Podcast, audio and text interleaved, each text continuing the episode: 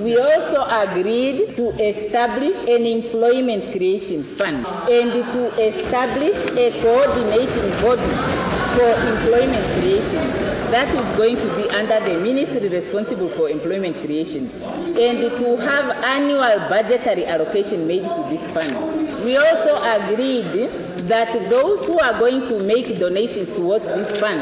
if they are corporate entities or they are individuals, to allow this expense as a tax deductible expense so that we can encourage them to support what the government has in place.